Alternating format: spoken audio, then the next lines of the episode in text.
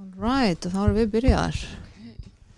Við erum sem sagt hérna mættar í Nóa Sirius Studio podcastöðarinnar og þessi þáttur er í bóði skíaborga sem er geggjað til í svona forvarnastarf með okkur.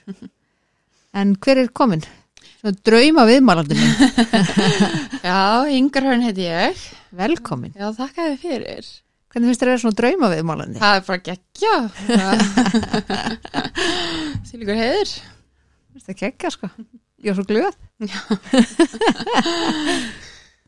Ég vil gera það svona vandræðarlega. Já, smá. Það er líka bara allt í kafi. Svo okkurlega skemmtilegt. En hérna, segð mér, veist, hver er konan? Hvaðan kemur þú? Ég er 26 ára og er upphálega úr Vesturbænum. Mm. Svona, búin að flaka svolítið og Ok. svona, prófa ýmislegt. Prófýmislega, þú er komin á við á ýmsum stöðum. Já, já, það má segja það. Mm En hvernig er svona, þú veist, hvaðan, hvar, hvernig byrjum við? Æskan þín og þú veist, hvernig er svona, hvernig byrjar lífið þitt? Sko, Stórt í spurt. Svona, já, eiginlega það er hérna Jújú, jú, svona framan á var lífið bara ágætt sko Ok. Það er hérna um, hvað ætlaði að vera ég verið svona tíu ára gömul þá kemur nýrstjúpapinn í lífið sem að já, hafði kannski svona mest áhrif á mig held ég, þetta er ennþá bara svona já, einn erfiðasti bara partur lífsins held ég að hann kemur hann inn og bara mjög, mjög, mjög veikur maður Ok. og er bæðið að glíma bara við já, mikið áfengisvanda og einhvers konar skeðvanda sem að ég kann ekki skila á og, Ok. Og það var bara svona tók við rosa mikið óvissu tímabili mínu lífi, þú veist, ég var náttúrulega bara barn á þessum tíma og og það var einhvern veginn svona, já, þessi konstant hræðisla á heimilinu, sko, er hann að fara að vera reyður og hvað er að fara að gerast næst og er hann að fara að henda okkur út aftur og hvernig verður þetta og og svo einhvern veginn, já, kannski svona þetta moment sem að markaði barnæskunum mína hvað mest var þegar að um, eftir að sagt, hann og mamma hætta saman sko, þú veist, þá fer hann svona að stólka okkur og einhvern veginn verður bara svona eldri og er alls það sem við erum, þar er hann. Já, og ok. var bara svona, þú veist, endalust fyrir utan heima hjá okkur og þú veist, var að mæti í skólan og ef við vorum í kringlunni, það var hann í kringlunni, skilur, veist, og það var bara einhvern veginn þannig og rosa mikið öryggisleysi og ég fer að vera voðalega kvíðið batn og, og svo endar þetta allt saman einhvern veginn á því að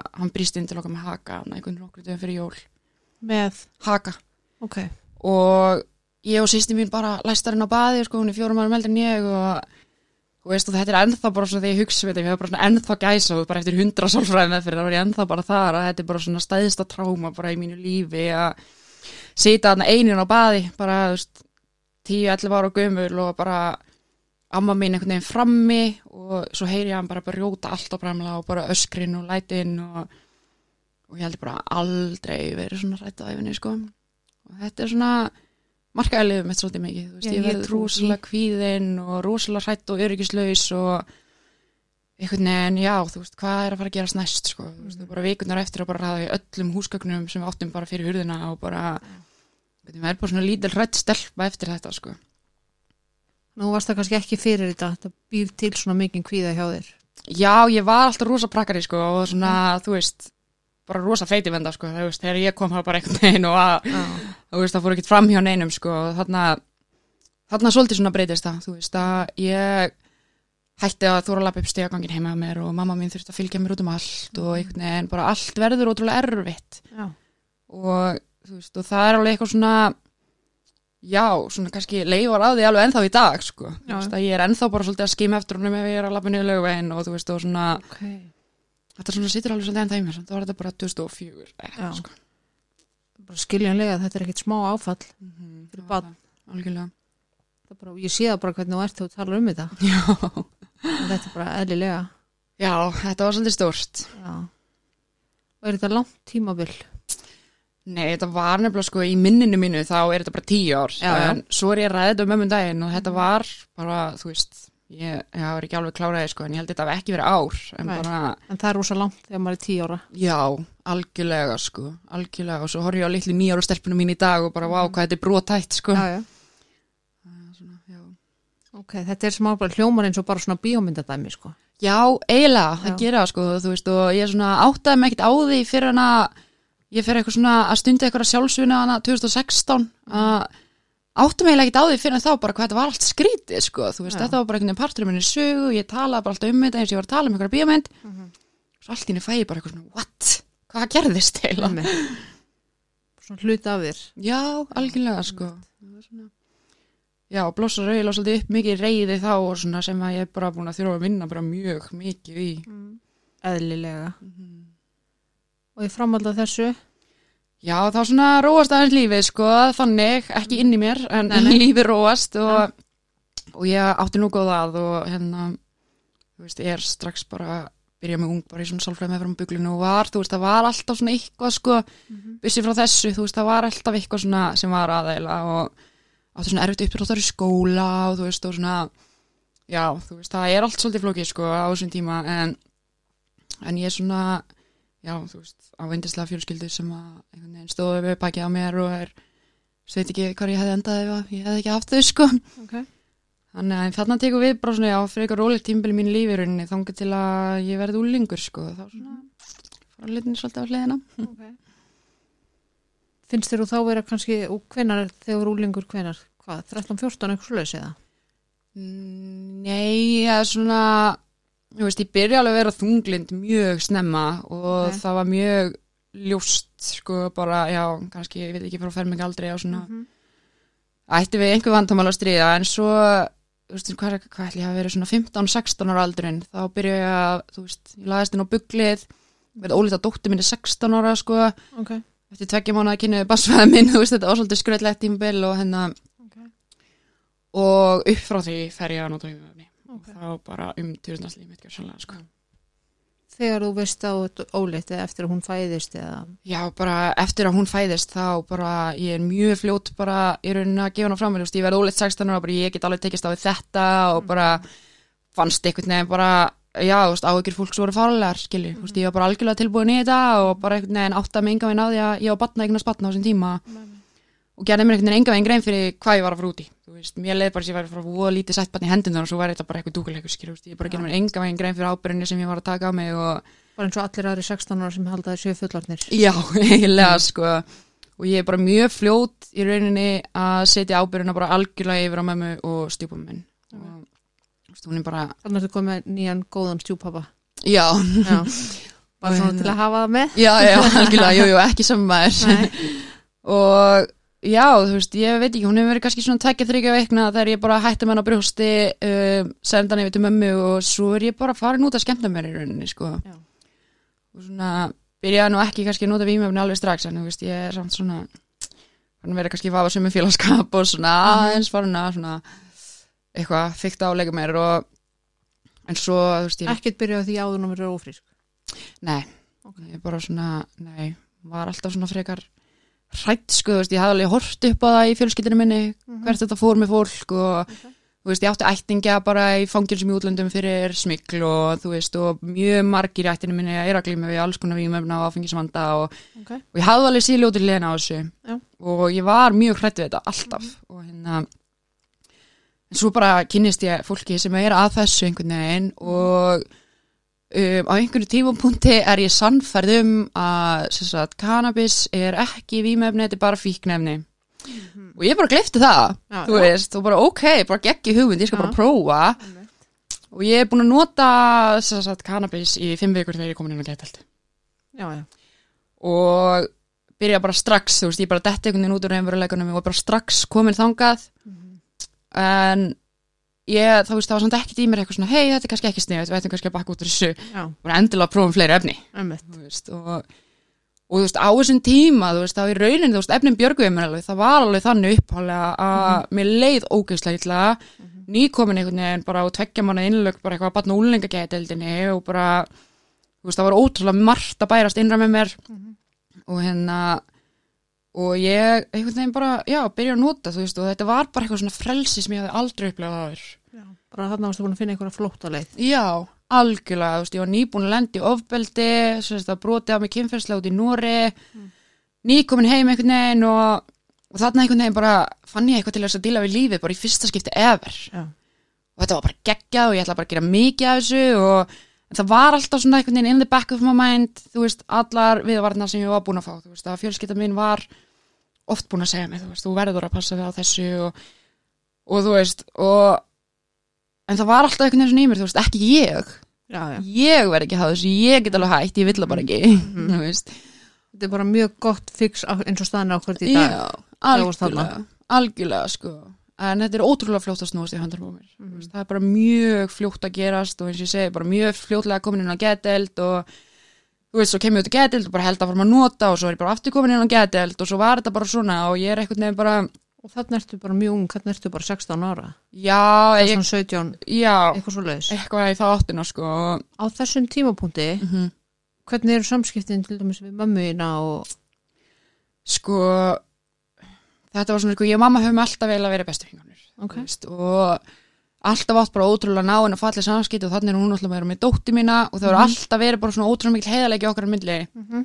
þanga til þarna Já. og bara einhvern veginn í fyrsta skipta af æfinni þá fer ég bara að bara ljúa upp og pikið á henni bara eins og mér hendar og bara segja nákvæmlega sem ég sýnist og ef hún var ekki tilbúin að passa og var, allt brjála og þú veist og það einhvern veginn svona breytist allt sko um leið og hún er búin að frétta að ég Já. sé, þú veist, þetta leikrit var einhvern veginn búið, bara ok, nú veistu það bara, ég er að nota og það er það bara þannig og og bara fuck it. Já, í rauninni svolítið svo leið sko og, og það skiptir enga máli einhvern veginn hvað fólk er að segja, herri, þú veist, þú ert móðir og barnavend er að fara að taka barni, skilur og þú veist, þetta er bara að vera þarna, skilur og það var alltaf þetta, þið skiljið ekki hvernig mér líður, veist, þið skiljið ekki hvað ég hef það erfitt og, og einhvern veginn, það, þú veist, ég upplifði það alltaf svo mikið, bara bæði einhvern veginn gegnum mín andlega veikindi og eins í gegnum, þú veist, allt, allan minn feril sem, þú veist, vímjöfnunótandi, að ég var upplifð svo mikið sásök og ég má alveg bara kasta honum yfir alla aðra líka einhvern veginn og, og bara, ég alveg bara trúði að þetta var bara einhvern veginn mín réttlæting og svona kannski fáir sem hafa orðið jafn fyrir mikið fyrir barðinu á munnunum á mér og móðu minn sko. Já. Og ég get alveg ímynda mér að þú gætir vorið brútal Já, ég, þú veist já, hef ekkert alltaf verið þekkt að vera eitthvað frábær í skapinu. Það er bara engan veginn sko, því sem svona búin að kannski læra að hefja mig í dag en ég Já, hef alveg komið mér í vandræði margóft með kjaftinum á mér sko. Já. Þú sért nú bara svona lítil og grútleg sko. Það get ég alveg trúa því að þú getur minni fyrir niðan nefið. Já, já, ég svona Get alveg svarað fyrir mig og því sem ég kannski svona fara að læra að halda mig á mótunni já, já. á það til að gerast þegar maður fullorðnast. Jú, jú, á það betur til fyrr en þannig eru þið samt sem áður þú veist í ágæti samskiptum þannig séð? Já, sko, svona miða við? algjörlega og ég var einmitt bara svona og þú býrð heima hjá henni? Já, ég bý heima á þessum tíma og ég var einmitt bara, já, maður máttum bara ótrúlega gott spjall um daginn einmitt þar sem ég var að tala um þetta við hana að sko fjölskylda mín lokaði aldrei alveg. Okay. bara alveg sama hvað gekka og hversu langt ég var sokkin að þau voru alltaf hana, kannski mismikil samskipti Mhm. en þau voru alltaf hana, alveg sama hvað og ég held að það hafi átt ótrúlega stóran þátt í því að ég hætti aldrei að reyna að verða edru Mhm. það var alltaf einhver sem var tilbúin að koma að skutla mér í meðferð, það var alltaf einhver sem var tilbúin að koma að gefa mér að borða, það var alltaf einhver að segja hei, enga með þykir en það vænti þig Mhm. og þú veist, og þau einhvern veginn sko, kannski höfðu mismikla trúin þau mistu samt aldrei trúna mér og þau voru alltaf tilbúin að peppa mig og standaði baki að mér og ég held að þetta hafi algjörlega bara bjarga lífunum mínu, sko, ég er ekkit vissum ég hef alltaf haldið að fara að reyna án þeirra, sko. Og mér finnst þetta ótrúlega mikilvæg punktur sko. Mm því að ég allavega standi þeirri meiningu þú veist það er mín trú Já, og fólki er velkomið að vera sammála mér eða ósammála mér sko. En það er mín trú að að fólk eigi ekki að loka á börni sín til dæmis. En það er náttúrulega ekki að ítundi neistuna með því að gefa peninga til dæmis.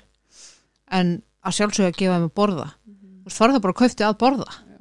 En ekki gefa þeim pening og segja hérna farð þú að kaufti þér að borða því við vitum alveg hvert peningur er þá sko. Jú, jú. það er alveg svo, svo ég er algjörlega sammálegar og þetta er bara kannski já, þú veist, öll tilfelli óleik en þess að ég segi, þú veist, ég að því að sko tilfinningi mín var svo mikið orðin, orðin svo að bara það er allir búin að gefast upp á mér, það þóli mig engin og þú veist, og einhvern veginn svona allt sem mér fannst um sjálfa mig yfirfærdi ég á aðra já, já. Og bara það að hafa þú veist, þess að nokkra ættingi eftir bara mamma og sískinu mín og pappi, þú veist bara hafa þetta fólk eftir að það bara gerði algjörlega að gefa munin Já. það var alveg svo leiðis allavega hafa það þannig að því að ég sagði, sagði að loka aldrei á börni sín mm -hmm. Já, eiginlega við þannig að sko þegar einstaklingurinn er tilbúin Mhm. að vilja leita sér hjálpar að vera þá til staðar þá. akkurat Ég er ekki að meina að það er alltaf að hleypa einstaklingum minn og heimilið eða þannig sko. Heldur að vera til staðar þegar eins og þú segir skuttli meðferð Mhm. eða svoleið sko. Algjörlega sko, algjörlega en þú veist, það er samt líka gerði rosa mikinn skada oft að, Mm þú veist, vera í samskipni við þau og já. þú veist, ég gerir mér alveg grein fyrir því í dag að, Mhm. þú veist, ég var ekkit alltaf frábær félagskapur, sko. Nei, nei, ég trú því líka. Bara, þú veist, og einmitt kannski var að hitta bróða minn og hann var að gefa mér að borða eða leiða mér að koma heim og svo veinu nótt eða whatever skilur og svo bara er, er allt brjála bara út af einhverju pínu litlu og ég bara rík út og skella eftir mér hurðinni og bara, þú veist, bara já, mjög dónulega vond, þú veist, og ég gerir mér alveg grein fyrir að, þú veist, já, en við erum algjörlega bara, já, ég er mjög mikið að vinna bara í að gera upp fórtíðina mína og svona reyna svolítið bara að eiga opið samtal, Já. þú veist veginn vera ekki að, með þessa meðverkni að loka á allt Mhm. og einhvern veginn enginn má segja neitt, sko Það gerist ekki neitt. nei, einmitt, sko, Það er bara ótrúlega þróskandi líka bara að geta átt samtalið. Algjörlega, sko. Algjörlega, og það er svona Æ, það er líka bara ótrúlega mikilvægt finnst mér allan persónulega fyrir mig að svolítið fá að heyra þeirra hlið líka. Algjörlega. Að þetta snerist ekki bara um mig þetta snerist ekki bara um það að mér litla þetta snerist líka um litlu nýjára dóttur mína sem að var ein og sögurkróki í fústri skilur og var að gráta með mér svona kom heim og mömmu mína sem að gati ekki sofið og sískinni mín sem voru að bylast og ræðsli þetta snerist líka með þau. Mm -hmm. og ég sá það engan veginn á þessum tíma og það er alveg ótrúlega svona gott vond að fatta það einhvern Já, já. dag veist, Fólki var ekki sama. einmitt, algjörlega sko og svona geta reynd að bæta upp fyrir það með Mhm. breytri hegðun og svo leiðis Breyttri hegðun. Það er, það er líkillinn. algjörlega Fyrir gefðu nú með 500 því er ekki neitt eða breytist ekkit í framhaldinu sko. það er nefnilega málið sko Það er svolítið þannig sko. Algjörlega. Sem tengir kannski aðeins því sem við rættum hérna saman tvær fyrir. jú, jú, Það er svolítið svolítið sko. en þannig ertu ennþá mjög ung, já. Hvað svona, hérna, hvernig þróast lífið þitt þarna?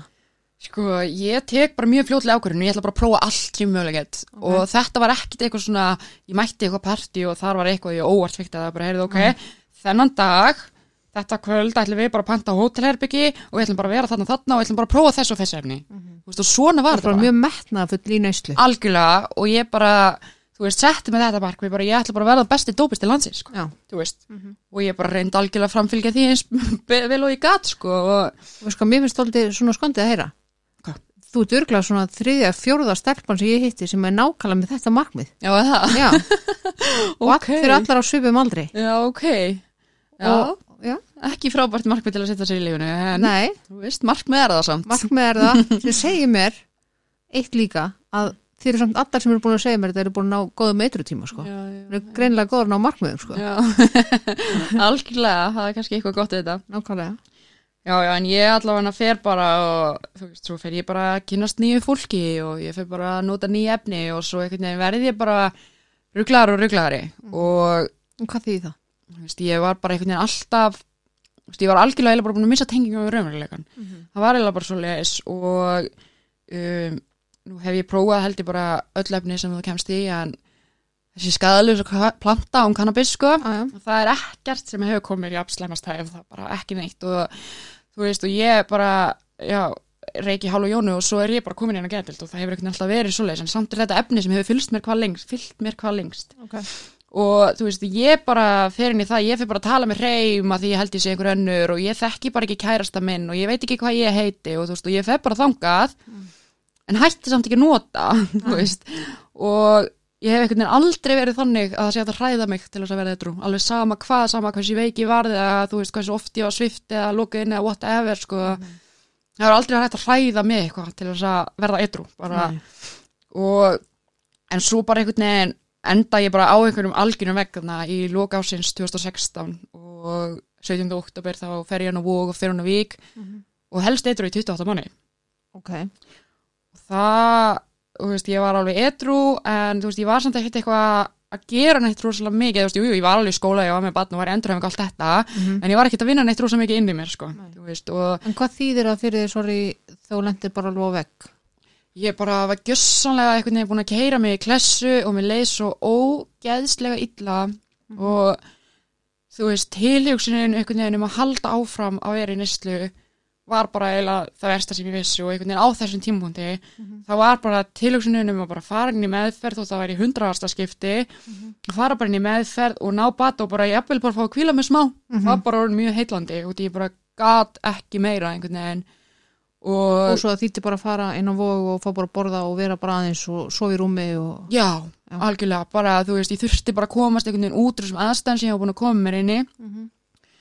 Og en svo bara gerist eitthvað inn á vogi og inn á vík og ég verð bara edru í 28 mánu og þú veist, þótt að mér hafa kannski ekkert eitthvað liðið frábæla allan tíman þá gerðist samt ótrúlega margt á þessum tíma. Þú veist, ég, fekk dótti minni tilbaka og þú veist, og við einhvern veginn náðum að byggja upp samband og þú veist, og ég fer í skóla og klára einhverja annur í mentaskóla og þú veist, og það gerast alls svona hlutir. En á sama tíma þá var ég bara, þú veist, ég var samt bara og er bara eitthvað rétt áður en já, svona tíu mánuðum held ég áður en ég detti í það þá er ég bara einu á gætild eitthvað stóra akkur skilur, þú veist, og ég bjóð fyrir norðan og, og það er einhvern veginn svolítið bara svona þessar tilfinningar uh, voru orðna svo erfiðar. Ég var samt ekkert á leiðin að detti í það og mér svona, þóttu ég sé svolítið búin að kortleika þetta núna og sé alveg þetta var ferli en á þessum tímabóndi þegar ég síðan detti byrjun ást 2019 aftur þá og bara búin að fá mér og þetta lýsir svo hö- höfðuna mér svo skýrt hvernig ég upplifði þetta, ég er þarna og ég, veist, er á sögakróki skilur þú veist, og hafi aldrei verið í nýsla á sögakróki alveg að nafla alheimsins. Já, algjörlega.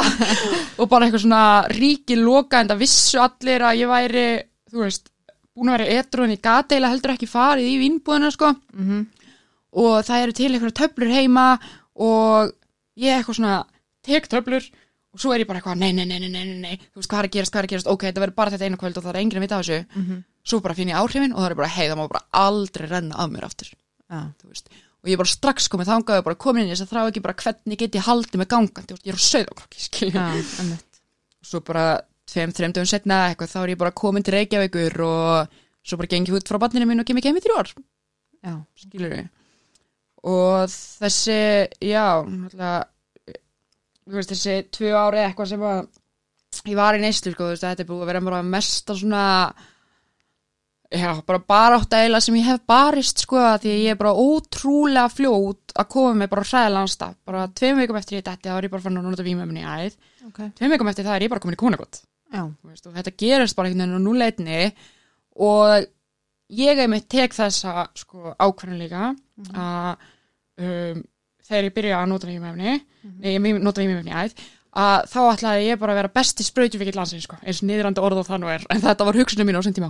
Þú veist, ég ætla bara að fara all in og ég ætla bara að prófa allt sem ég mögulega get prófað. Mhm. og þetta er bara fyrir að vera geggja. Og það endist alveg svoleiðis í tvær vikur eða svo skilju, já. veist, svo bara var þetta mjög fljótt að vera komið þangað að, þú veist mér bara, ég vissi einhvern veginn ekkert hvað þetta gera veist, og það var alltaf einhvern veginn þetta ég var alltaf að leita aftur á þessu fyrsta skoti veist, þessi fyrsta víma, hvað hún var geggi og hún Mhm. var mikið frelsi og svo er ég bara tvö ár bara að leita henni Hún kemur aldrei aftur Nei, nei, Nei. alls ekki sko, hún gerir það ekki en það er einhvern veginn þráhyggjan í hausnum á mér er alltaf svo, þetta er að fara að vera frábært Mhm. en svo er það enga veginn sko Þegar þú fellur hana mm -hmm. um, ein pæling hjá mér Já. Þú tekur hann einhverja pillur sem áttur heima hjá þér Mhm. um, af hverju áttu pillur heima hjá þér sem að sko, móður minn bjóða samast það já, já, já, ok og hún var á einhverju lifjum Ok. og eitthvað, og það er sér sett, já, Mhm. ok og þú tekur pillur sem mamma einn átti já.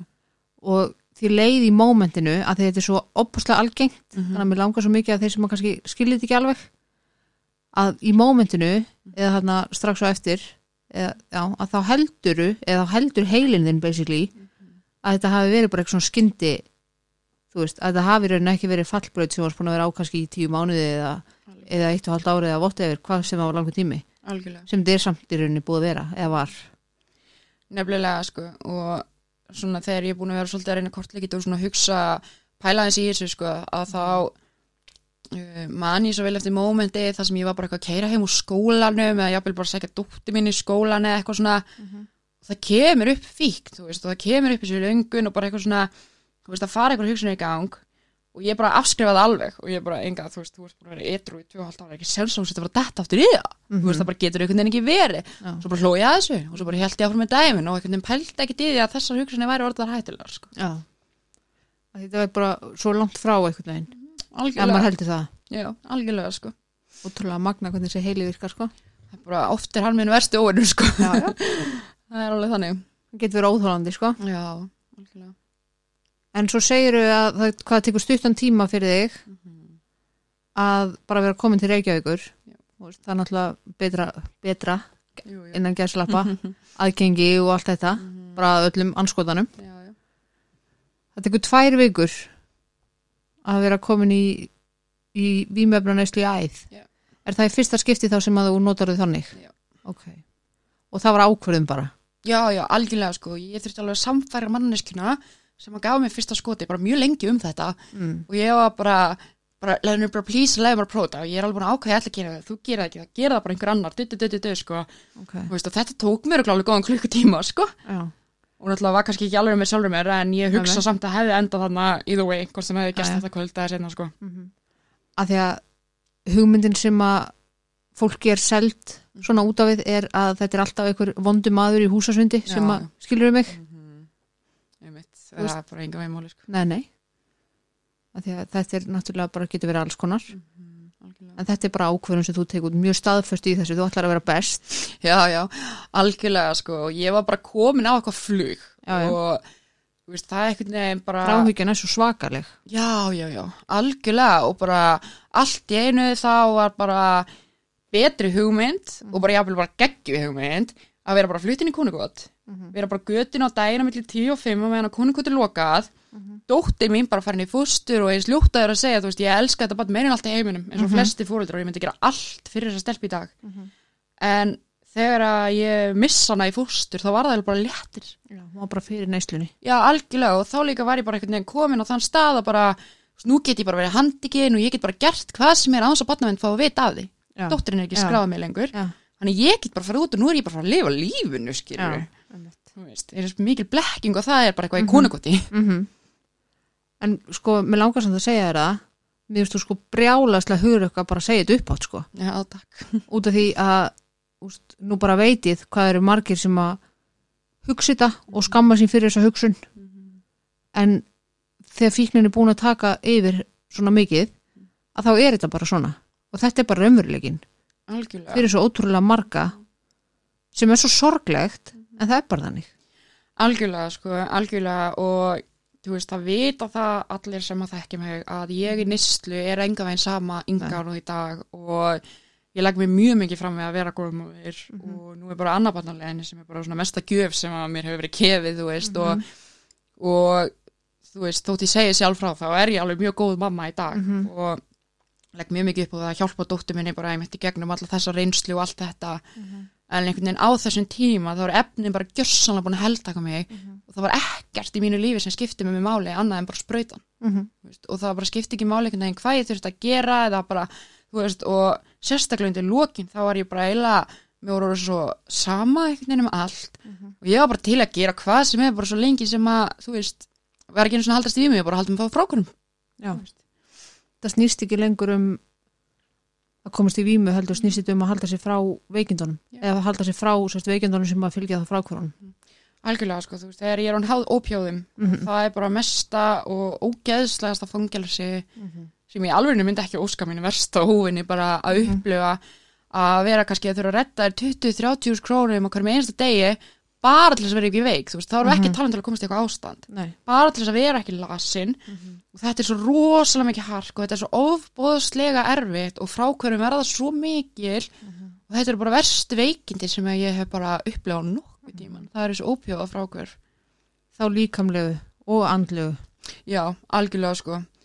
Andlu, þú veist, frákurinn er eiginlega ekkert skárið, þú veist, þetta er ég bara ógeðslega veik og þú veist, ég man eftir einu mómenti þar sem að ég er í, reyndar ekki konugott, ég var í öðru atkvarfi fyrir heimilisleisa konur og starfsfólki þurfti bara að draga mig nakt upp á styrtin og setja mig inn í rúm og þú veist, breyða mig að því ég bara gati ekki staðið upp, sko, þú veist, og og þá náttúrulega fer líka bara hausin á stað þú veist, og það verður allt svo óbúslega svart og það verður allt svo óbúslega erfitt og bara ég er aldrei að fara að komast út úr þessu og er einhver tilgangu með þessu og bara og þetta er bara, já, einu, bara í alveg versta líðan bara sem að, já, hægt er upplega held ég. En hvernig er, að því núna vitum við það bara að þú veist, við erum kannski heldur ekki á besta landi í heimi til þess að vera á götunni.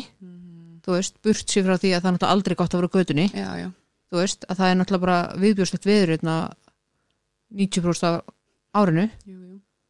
veist, og þetta er náttúrulega þú veist, konukotið frábært að því leitinu að, að því sem að það þjónar þú veist, hentar auðvitað ekki öllum en það er frábært því sem það tekur á við eins og veist bara.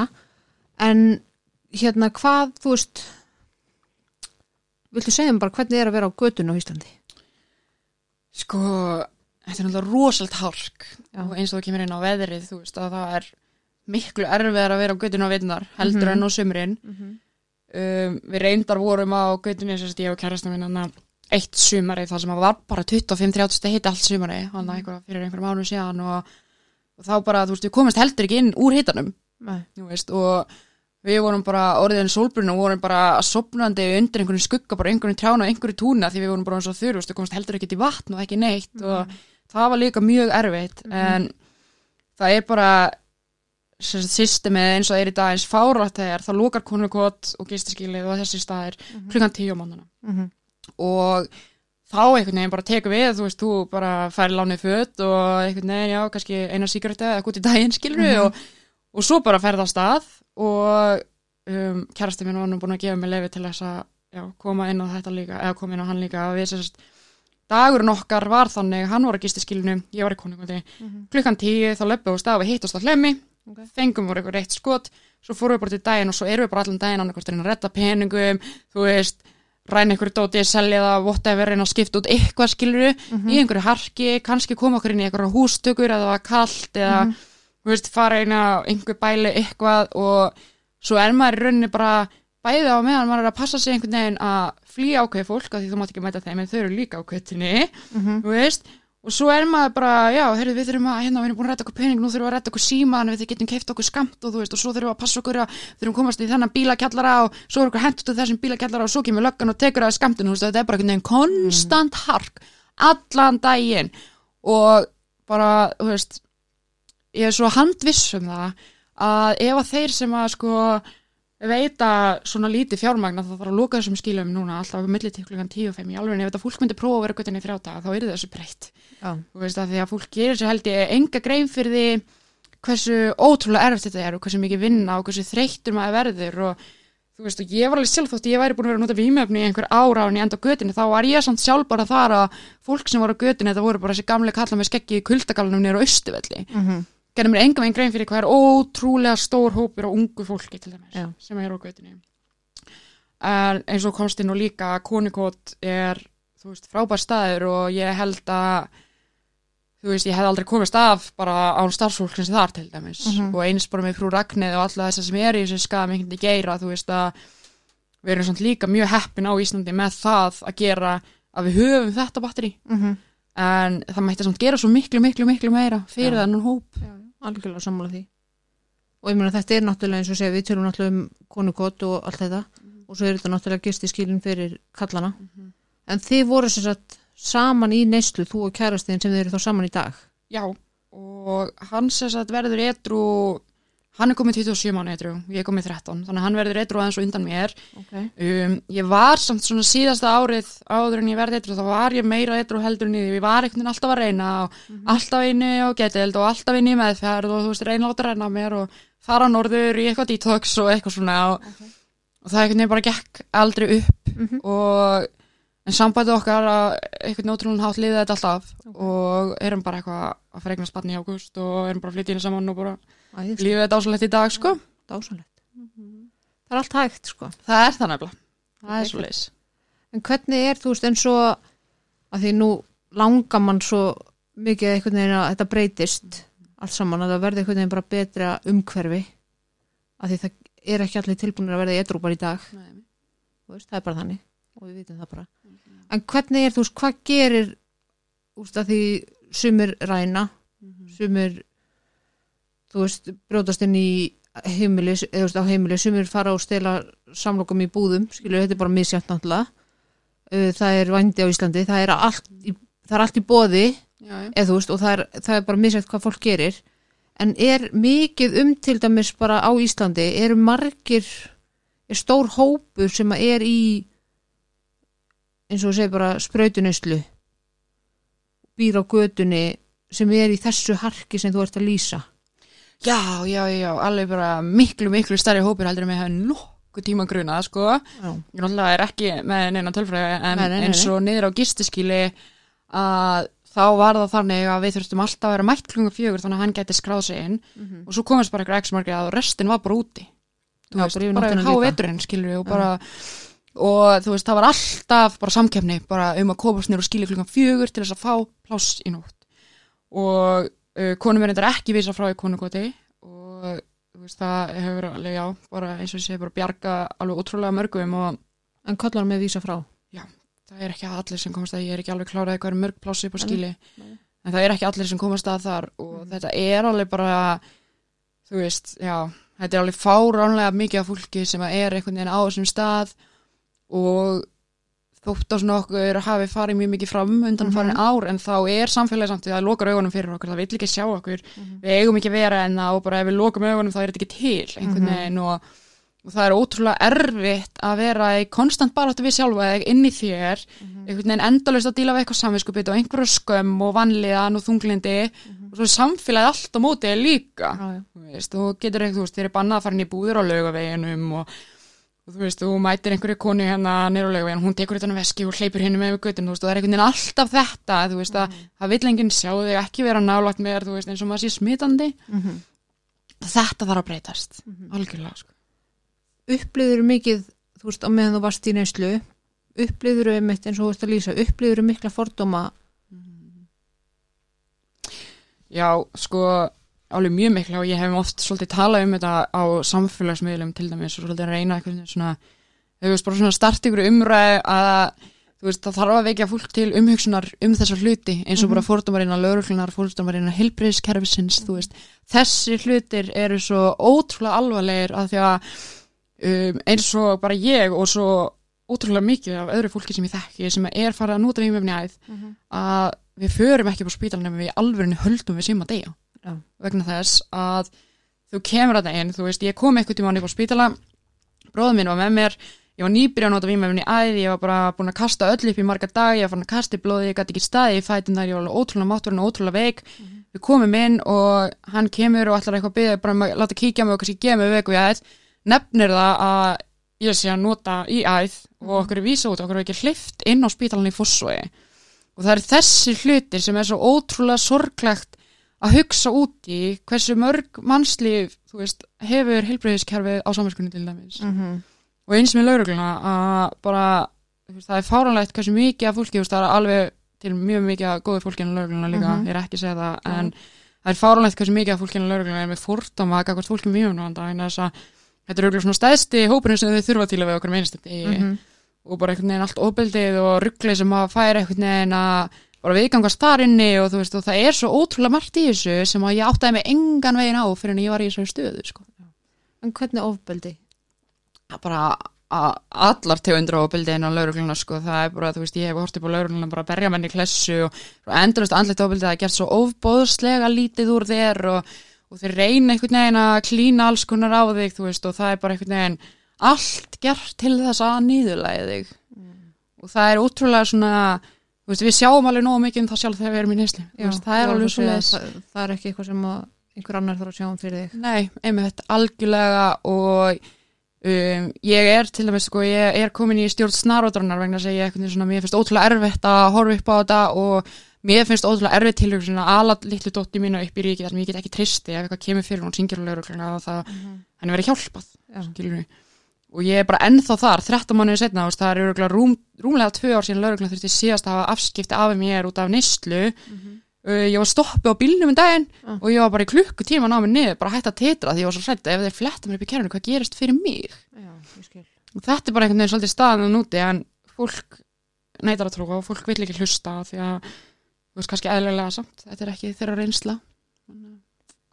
En nú hefur til dæmis verið bara umræðan verið þannig veist, það eru fleiri og fleiri einhvern veginn sem að reyna að benda á þetta. Og fólk sem hefur þessa reynslu er að segja frá því.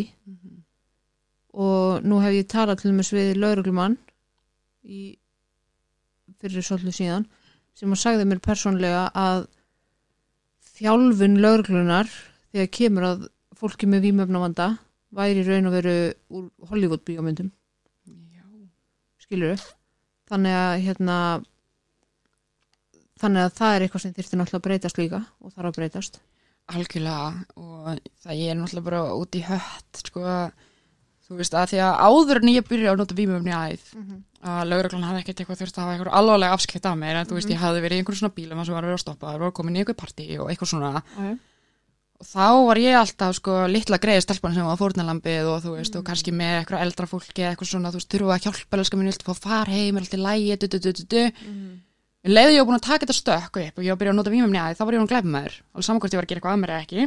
Ég var bara á skrá sem var eitthvað sprauti fíkil eitthvað svona kjafti og þá var ég bara að glæpa með þér ég er kannski bara að relta niður lögvegin og þú veist svo bara fyrir einhvern veginn allt í steik skilu því maður er að labba með vittlisur fólki þú veist og þetta er bara eitthvað svona þetta er svo absúrt að einhvern veginn, þú veist, bara þetta ég var alveg vímöfnum líka áður. Já.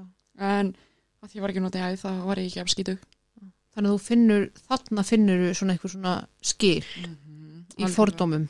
Algjörlega mjög mikið stiksmunum þarna það finnst mér eiginlega bara svona já það er ekki átt sem ég verði eiginlega svona orðlaus sko.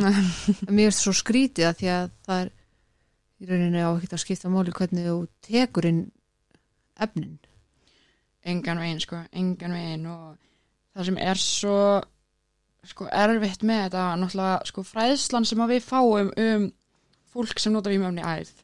Um, það er allavega þegar ég var í skóla og ég veit ekki betur en þá komið þessi hræðsláraður inn í skóla sem við kallum forvandafræðslu um, við fáum að sjá fréttur á vísi þar sem er eitthvað svona maður í annarlega ástandi gerir þetta og maður í annarlega ástandi hitt og allar fanga gemsli fullar og bla bla bla. Og svo horfum við á einhverja bíómyndir þar sem er bara, þú veist manneski sem er að nota vímefni æði bara að nauka ömmu sinni og ræna, þú veist, gamla konur eitthvað svona. Og það er alveg þú veist, mér finnst alveg ótrúlega eðlilegt kannski hjá hinnum almenna borgara að þeir séu með fórtum og þeir séu hrætt af því að þetta er umræðan en mér finnst að þegar þú ert komin inn í laurugluna, þú ert komin inn í heilbriðiskerfið og þarft ekki að vera að vinna með fólki þá ætti fræðslan að vera meiri og það er fáránlegt að þú veist, þú ert kannski bara ég er kannski bara að pikku upp að laurugluna því að þú veist, ég er mikil læti eða eitthvað bara dróð miklum áhrifum, whatever. Að, þú veist, ég var ekki að gera neitt að mér en það er samt strax byrjað bara, þú veist, basically bara að segja bara mér bara, þú ert aumingi þetta er svo ótrúlega, já veist, þetta er svo bara absúrt, þetta er náttúrulega á ekki að fá að viðgangast, en það er samt líka svo ótrúlega erfitt að eiga við þetta, þetta er alltaf að fara að vera bara, þú veist, orð einhver stópista á móti orði lauruglun skilur þú veist, það er alltaf að fara að vera þannig við erum að fara að koma í fjölumilum, þetta er alltaf orða móti orði. Og ef að lauruglun á annað orði þá veitum við alveg hvernig það er að fara að fara. Já. þú vinnur ekki þennan slag. Nei, engan veginn, sko. Þetta er eitthvað sem þarf að breyta. Algjörlega. og einhverstað þarf það að byrja. Klárlega, sko. Klálega. svoleið sko en þetta er, veist, svo bara spurning hvað er hægt að byrja? Að því að eins og þú sagðir áðan, það er fullt, fullt að góðu fólkin á lauruglunar og maður veit alveg að, þú veist, eins og hræðslu áráður í forverðnum er eitthvað sem er búið að offa, Já, þú veist, sem betur fyrr veist, þannig að það er eitthvað sem maður hefur verið að breyta. Ok. Þannig að það er allavega jákvætt. Já, og það á að vera kannski bara svona opið samtal þú veist, það er ekki lengur hérna að vera að sína þér ef þú tekur þessa pillu þá deyrðu og svo fyrir batnið og tekur pillun og dó ekki og það er bara svona, á það er bara að ljúga, nú getur tekið hvað sem er Skilurðu? sko, nefnilega. en ok er sér sett verið að hérna, að þú sagðir aðan bara að maður má ekki í búðir, lögaveginu með eitthvað Mhm. það er sérst alltaf verið að gera ráð fyrir því að þú sért að fara að ræna eitthvað Já, já, já, algjörlega sko, algjörlega og þú veist og svo hef ég líka alveg lendið að vera bara á leiðinni inn í búð og bara nei, þú, þú ert ekki velkomin hérna inni, skilur bara eitthvað fatt að þú veist, og ef að þú lappar inn í búð og þú lítur eitthvað ekki nógu vel út og kannski ertu auðvitað áhrifum og eitthvað, að þá er bara gengið á eftir, þú veist. Og ég ger alveg grein fyrir því að þau eru glóðin kveikt og það er örgulega verið að, þú veist, ræna og allt það skilur, en þetta er samt svo mikið verið að setja alla undir einn hatt. Já, þetta er svo mikið verið að búa til fordama með þessu, bara allir með vímurinn vanda er að fara að ræna búðina þeina, þú veist. Og Þetta er bara, já, það er einhvern veginn svo fáralegt bara þessi hugsunarháttur ennþá en á sama háttur sem ég segi þá skilja líka alveg að vissu leiti Já, að fólk er rætt en veist, það er samt alveg komið 2022 Mhm. það er alveg svo leiðis og það eru ekki mikla líkur á því þú veist, þetta er alltaf líkur á einhverju, þú veist, en það er ekki mikla líkur á því að þú sérst að niður í bæja og það kom einhver sem að nota vímöfni æðu og lemur þig, sko. Engan veginn sko, það það er miklu meiri líkur á því einhver sem búin að vera að drekka mikið bjór gerir það, sko nefnilega sko, það er nefnilega algjörlega málið og þetta er það sem ég líka búið að gera mér svo reyða til dæmis með þess að smá hísaumræði að það er alltaf verið að tala um þú veist, fólk með andlega andleg vandamál og fólk með hérna uh, sem er að nota vímumni æð að það er ekki hægt að hafa þau í laugadalnum út af því að það eru böllar og það er ekki hægt að hafa þau þarna því þarna er leikskóli og bla bla bla bla.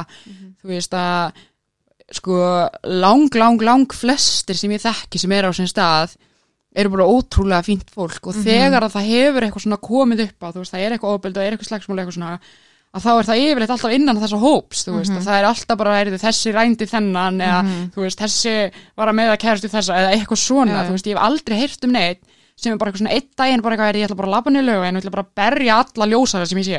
Veist, þetta er ekki svona Nei, en það er eiginlega enginn tilbúin að hlusta á það samt. Nei.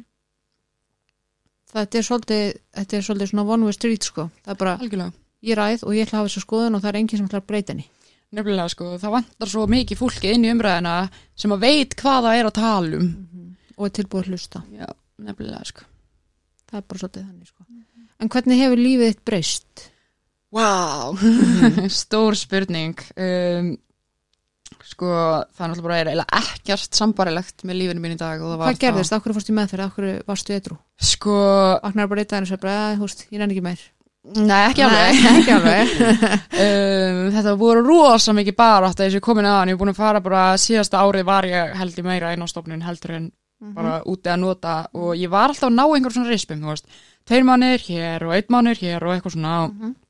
og var endalist í meðferðum og einhvern veginn en þú veist, það sem er drómi einhvern veginn alltaf aftur út að nota var þetta endalisa samvinskubitt í höfðuna mér, þú veist, þetta endalisa samvinskubitt gagvart dóttur minni og gagvart fjölskyldir minni og þú veist, ég hef búin að gera svo mikið svona svona svona og, og það einhvern veginn, þú veist, þetta hafði alltaf verið leið minn til þess að díla við lífið. Það var að fara út að nota og ég kunni ekki að vera við tilfinningar og ég vissi ekki hvað þetta að gera við það en að fara bara að nota. Þannig ég endaði einhvern veginn alltaf aftur þar. Svo fyrir rúmið 13 mánuðin síðan þá var ég búin að vera edru í tvo mánuði eða eitthvað. Má ég eitt, mér finnst þetta ógislega góða punktu nefnilega og þegar það er svo margir sem skilja þetta ekki. Þú veist opbáslega margir sem ég hef heyrt segja sérstaklega, þú veist, fólk sem hefur kannski ekkit brjálaslega mikið vita á þessu og segir bara, ég skil ekki akkur hún hættir ekki bara? Þú veist, búin að gera allt þetta svo búin að vera eitthvað hérna í tvo mánuði eða whatever, skilur akkur er svona að nota aftur? Af því að þetta er leiðin sem þú kannt. Eina leiðin sem að maður kann eða manneska kann í þessari stöðu er bara að flýja. Ég kann bara slökka á tilfinningunum mínum. Ég kann ekki að díla við þær, ég þarf ný verkfæri. Nefnilega sko og þetta var alveg fyrsta skipti sem ég uppleiði eitthvað svona andlegan sásögu eftir ég varð etru mm. þá ringdi ég kærasta minn og bara hágrátandi og bara hvað gerir venjulegt fólk þegar mér líður svona? Já. og ég bara vissi það í alveg ekki. Ég hef einhvern veginn alltaf verið eitthvað svona self- self-destructive self-destructive hegðun bara Já, frá því ég var badd og aldrei díla við hlutin einhvern veginn að heilbriðan hátt þú Mhm. Og svo allt í henni er einhvern veginn bara búin að taka það allt af mér Já. og já, ég þess að byrja að nota aftur hann fyrir rúmin 13 mánuðu síðan og þú veist partíðina er bara orðið þannig ég fer bara að kaupa efni, ég fer bara beinustilega í kuningótt sko. þú veist, það er bara svo leiðis, ég bara höndla einhvern veginn ekki mannlega samskipti lengur, ég get ekki farað að hitta nætt og ég bara, þú veist, eins viss um það og þú veist og þú situr hér núna þá er ég jafn viss um það að það er einhver að fara að drefa mig þegar ég byrja að nota, þú veist, Mm. og ég er bara komin þangað og ég meik ekki að halda upp í samræðum og ég bara einhvern veginn get ekki neitt og Þannig ég fer bara, ég kaupi mér efni og fer í kólikot og tilfinningarna mín á raukvöksinu mín, það fylgja aldrei saman þegar ég er að fara að fá mér, sko. Þú veist, það er alltaf bara svona, raukvöksinu mín segir, hei, Inga, af hverju ætti þetta vera öðruvísi núna heldur en öll hinn hundra skiptin sem þú ert búin að fara að detti að, Mhm. en tilfinningin mér segir, hei, þetta verður geggja, þú veist, þú Núna ekki kemur þetta. Já, Já. þú veist, þú ert ekki búin að nota í tvo mánuði, getur ímyndaði hvað víman verið frábær, þú veist, og svo fer ég þangað og bara eins og öll hinn hundra skiptin sem þetta hafa búið að gerast, þá fer ég inn í kónugót, ég fæ mér skot og ég byrja að gráta og ég er bara, hvað varst að gera? Mhm. og bara á nokkrum dögum þá er ég einhvern veginn bara komin þangað að líka með minni bara fara að öskra á mig hvers getið sem ég fekk mér þá bara byrjaði að kasta upp og ég var bara byrjaði að kasta upp blóði ég var ekki búin að pissa bara í þrjá daga þótt ég væri að drekka. Þú veist og það var bara einhvern veginn allt í ruggli og ég er bara þú veist búin að brjóti með tennunar brenna helmingina hárun á mér skiluru og sá helmingur sem var eftir var í fjórum litum þú veist og ég bara leitt hræðilega út og, og ég sita hann eitthvað á tröppunum fyrir þetta konungótt er reiki eitthvað sígarettu og svo er ég bara, já, já, enga þú veist, getum við þetta og ég fann það bara svo skýrt, þú veist, ég var alveg búið að vita það mjög lengi að partíið var búið Já, já. en þannig að fann ég það bara svo óbúðslega skýrt að ég bara, ég gat ekki meira, sko þú veist, ef ég ætla að halda áfram að vera þessar jörð þá var ég að fara að gera eitthvað í mínum málum Mhm. og mér er hleyftin og geðdeild og það bara einhvern veginn, þú veist, ég fór ekki einu sinni í eitthvað svaka innilegjandi meðferð, sko ég fer hérna og geðdeild í nokkur dag og það bara gerist eitthvað svona í haustum á mér, þú veist Ok. og ég fer bara einhvern veginn að upplifa þetta allt öðru heldur, en ég hafði upplifað hinga til og þú veist, og það kveikna bara eitthvað svona pínlítið von og bara í fyrsta skipti í svo ótrúlega langa tíma þá fór ég bara að hafa trú á sjálfur mér. Og ég fekk bara eitthvað svona þú veist, mögulega bara get ég þetta líka. Já. og þú veist, ég var bara einhvern veginn, þú veist vímöfuna vandi minni er bara svo ótrúlega sjálfselskur að það einhvern veginn, ég hef aldrei geta orðið edru fyrir annar fólk, þú veist, það skiptir mig einhvern veginn ekki máli, veist, jú, það skiptir mig alveg máli hvernig dóttir minni leið, en ég notaði bara út af það, þú veist, þetta, ég notaði bara vímöfni til þess að, þú veist, slökka á þeim sásuga, þú veist, og þetta mamma verið að ringja og bara, þú veist, ég hrættum þú veist, ég get ekki svo eða whatever, hvernig sem það var að, þú veist, ég notaði bara út af það líka og þú veist, ég gat ekki orðið edru fyrir fólki mitt. Næmi. og ég gæti ekki orðið edru, þú veist þótt ég fengi tvö hjartastopp með mjög stuttu millibili, það skipti einhvern veginn ekki máli og ég gæti ekki orðið edru þótt ég væri einhvern veginn búin að brjóti með tennunar og væri 40 kilo á guttunni þegar ég var búin að gefast upp gæti ég orðið edru Já. og Þarna bara fannst þú þennan botn. já, í rauninni sko og hérna og var samt í rauninni alveg búin að finna hann oft aðeins sko, ég bara Já. yfirleitt gróð mér göng neðan á hann sko, Já. þú veist, og bara Það er oft talað um að það sé bara eitt botn og hann er kistubotnin. Já, Hann ég er bara algjörlega sammála því sko og svo bara á þessum 13 mánuðum sem ég er búin að vera edru þá bara, vá, lífum mitt er búið að breyta svo ótrúlega mikið, þú veist, ég fekk dóttir mína um, hún flytti í bæði núna 1. júli í sumar Okay. og við fyrir mjög fljótlega bara að búa saman inn á mömmu af því hún Mhm. var ennþá með forræði yfir henni og svo fæ ég forræði 1. desember Til hamingi með það. takk fyrir og við erum búin að búa saman þess að ég fekk reyndar að flytja inn með hana fyrst og nóvember bara því allt gekk svo vel við það búið að loka batnaðendamálinu mínu sko, þú veist, fyrir utan eitthvað þrjá mánuður þetta er fyrsta skipti sem ég var 16 ára sem batnaðendamálinu mínu bara lokað og mér er bara trist fyrir þessu barni, þú veist.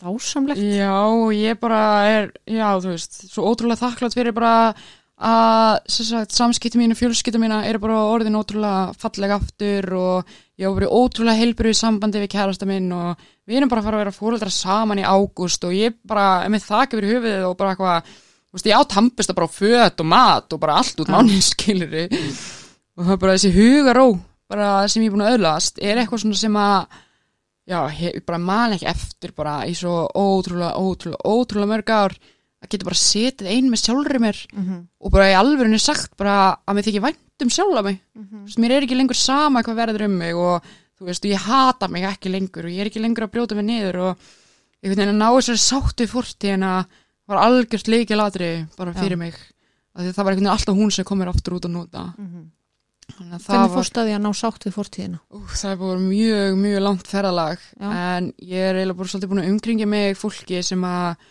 er líka að reyna að ná bata og Mhm. er í rosa miklum samskiptum við fólk sem að er eitthvað Okay.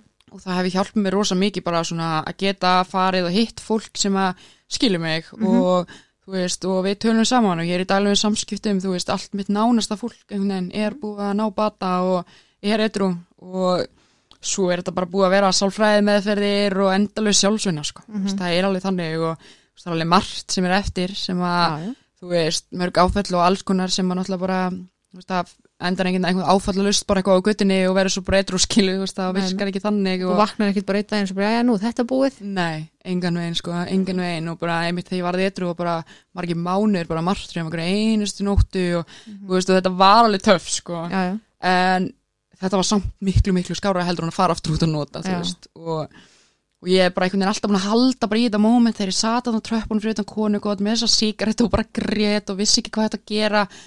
Þú veist ég er búin að halda svo ótrúlega fast í þessa tilfinningu Já. að ég veit að ég er að fara ánga aftur og ég veit alveg, þú veist, að hugurinn minn segir mér oft heginga, fönum bara fáum okkur nokkuð skotu, þetta verður aftur eins og þetta var, þú veist, 2012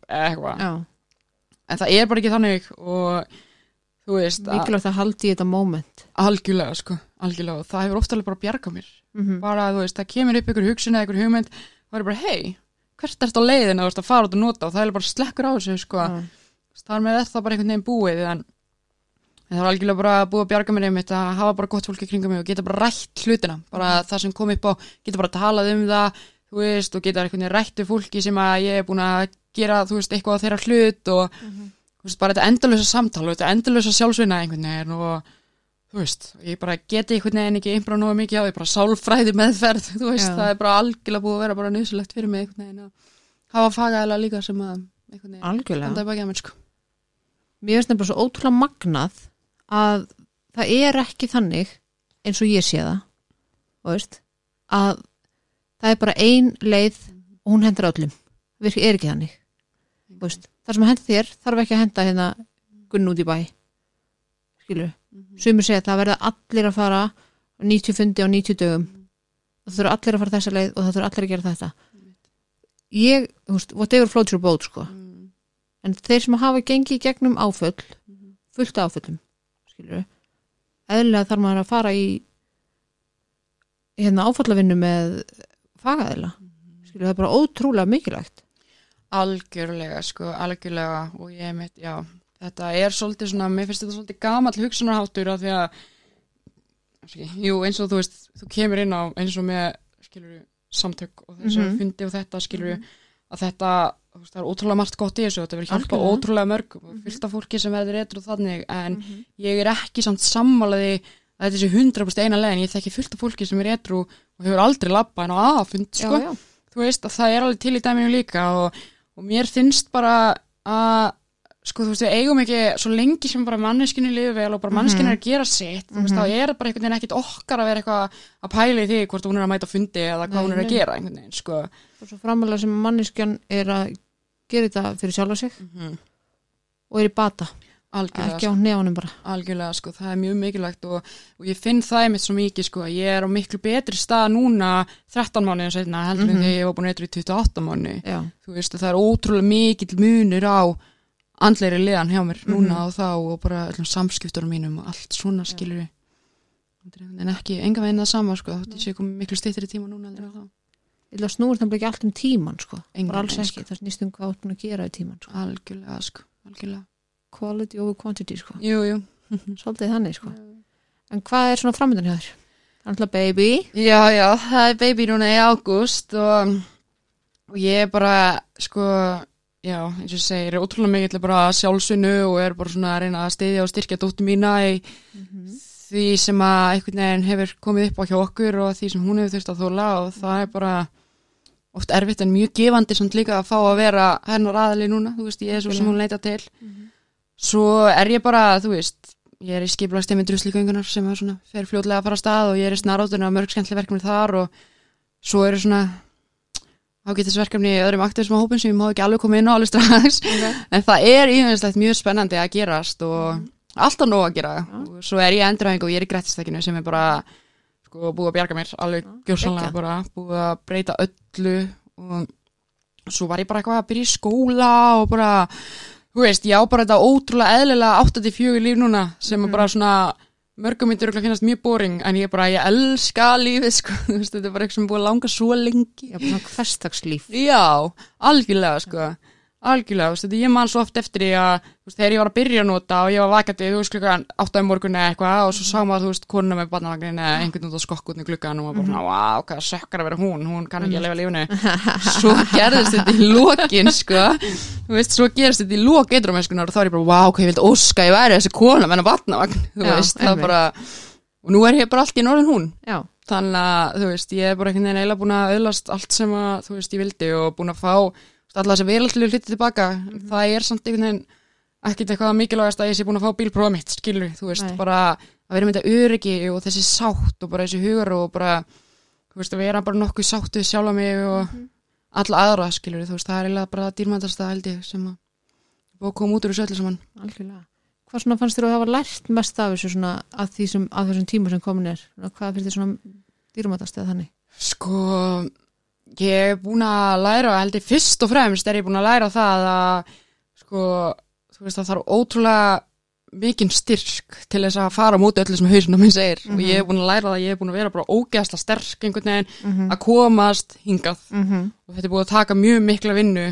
Og svo er ég líka búin að læra hvað er ótrúlega dýrmætt einhvern veginn, þú veist ég sé fjölskyldunum minni allt öru ljósi í dag. Og hvað er ótrúlega dýrmætt að fá að vera móðir fá bara að vera kærasta og fá bara að vera mamma, nei hérna dóttir og þú veist að einhvern veginn svona ég var svo mikið fyrir eitthvað mennska bara svona, ó ég verða að eignast þú veist, nýjasta bólinn frá þessu merki eða ég vildi mm eftir flottari bíl og þessi hlutir skipta mig ekki svona miklu máli í dag. Heldur bara einhvern veginn að öðlast allt sem ég misti. Ég er búin að vera svo ótrúlega dýrmætt reynsla einhvern veginn að fá fólki mitt tilbaka og, og þú veist og svo er ég líka bara rúslega mikið búin að fá að sjá það síðustu mánuði þú veist að það er endalust fólk að rinna neyður í kringum mig hvað ekki sjálfsagt þegar ég sé hana og þú veist ég horfi einhvern veginn alltaf öðru á lífi núna þú veist ég er einhvern veginn að nýta lífi miklu betur og þú veist einmitt þessi klísja þú veist ekki fara að reyða svo skilur þú veist að ég er bara svolítið þar að þú veist læra að meta lífi og taka því ekki sem sjálfsögum hluti ég sé þú veist, það er ekki sjálfsagt að ég dræja en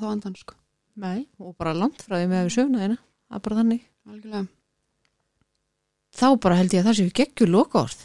Það er ekki bara? Mér finnst það, bara takk æðislega fyrir að koma. Já takk fyrir mig. Geggja að heyra söguna þeina takk fyrir. Bara gangið er ótrúlega vel. Takk fyrir það. Bara, sko, ég er náttúrulega bara starströkt, sko, það er bara drauma viðmælandin komin, það er allt niður og við eftir þetta, já já. Djók en takk æðislega fyrir þetta. Já takk sem leiðis